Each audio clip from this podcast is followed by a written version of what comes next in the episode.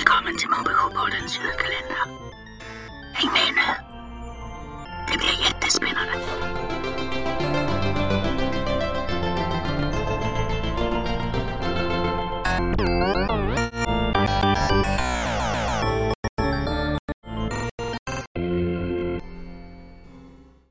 Sextonde december. Tilda har slutat att öppna sina adventskalendrar. Hon har tre upphängda på rad på väggen vid hennes säng. En stor, en lite gammaldags med glitter på och en chokladkalender och en tråkig som man får gratis i affären. Tre stycken, som varje år. Men i år är inget som vanligt. Första dagen tänkte hon inte så mycket på det. Tyckte att julkalenderns bild med en adventsljusstake var lite blek. Och är den där man får gratis är bilderna ändå alltid så trista. Och visst var chokladbiten lite mindre än vad den brukade vara. Dag två och tre hade bilderna bleknat så mycket att de nästan inte syntes. För att på den fjärde dagen har försvunnit helt. Luckorna var tomma. Bara baksidans vita kartongark lyste hånfullt när man hade öppnat. Vitt, vitt. Som snö. Som ingenting. Om nu någon minns hur snö ser ut, tänker Tilda. Och med chokladkalendern var det likadant. Andra och tredje dagen, små, små bitar. Därefter, tomma urholkningar i plast. En fyrklöver, ett hjärta och en julgran. De doftade choklad, men det fanns ingenting. Så nu förblir luckorna stängda. Men kalendrarna får ändå hänga kvar där, där de hänger. För de är så trevliga att titta på. Särskilt nu när det faktiskt inte har något annat julpynt hemma. Fast, ska man vara noga hänger det faktiskt inte kvar. Imorgon hittar Tilda dem i dammet under sängen. Men hon sätter alltid upp dem igen. Kan du inte bara låta dem vara? Säger Skrufs upprört och smäller ner den andres kopp i bordet. Måste hon kravla in under sin säng sådär varje morgon? Nej, svarar JT lugnt och blåser på sitt heta te. Det måste hon inte alls.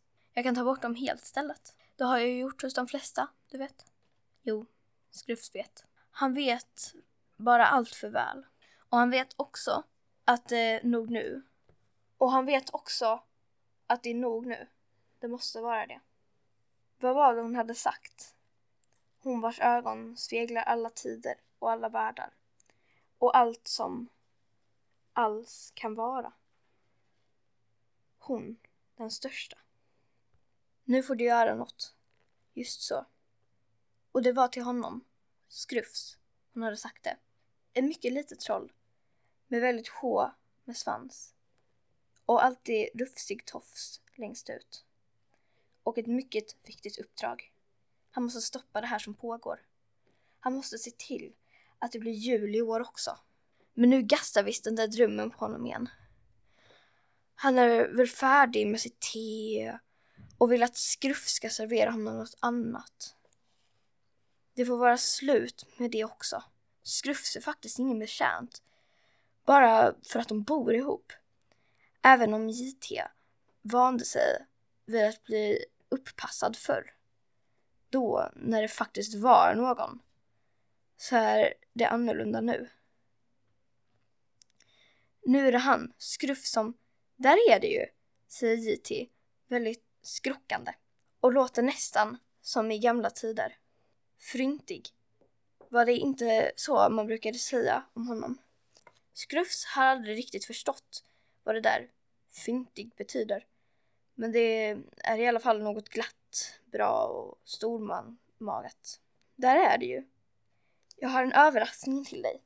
Till mig? Sällan har ett litet troll med mycket stort uppdrag blivit så förvånad. Nu ser han att den tjocka mattan har rullats åt sidan och att det är en dörr i golvet. Som en adventslucka skrockar JT och muntert. Öppna den Skrufs, den är till dig. Och Skrufs öppnar och tittar ner. Det är ett hav. Det ljuvligaste, brunaste, mest underbara hav. Ett hav som inte borde ha varit där. Som Skrufs inte har rätt till alla barns chokladfigurer från alla barns chokladkalendrar i alla människors länder. Dyk i bara, säger JT. Men det lilla trollet stänger sorgset luckan igen. Det var Trudde som läste från 6B.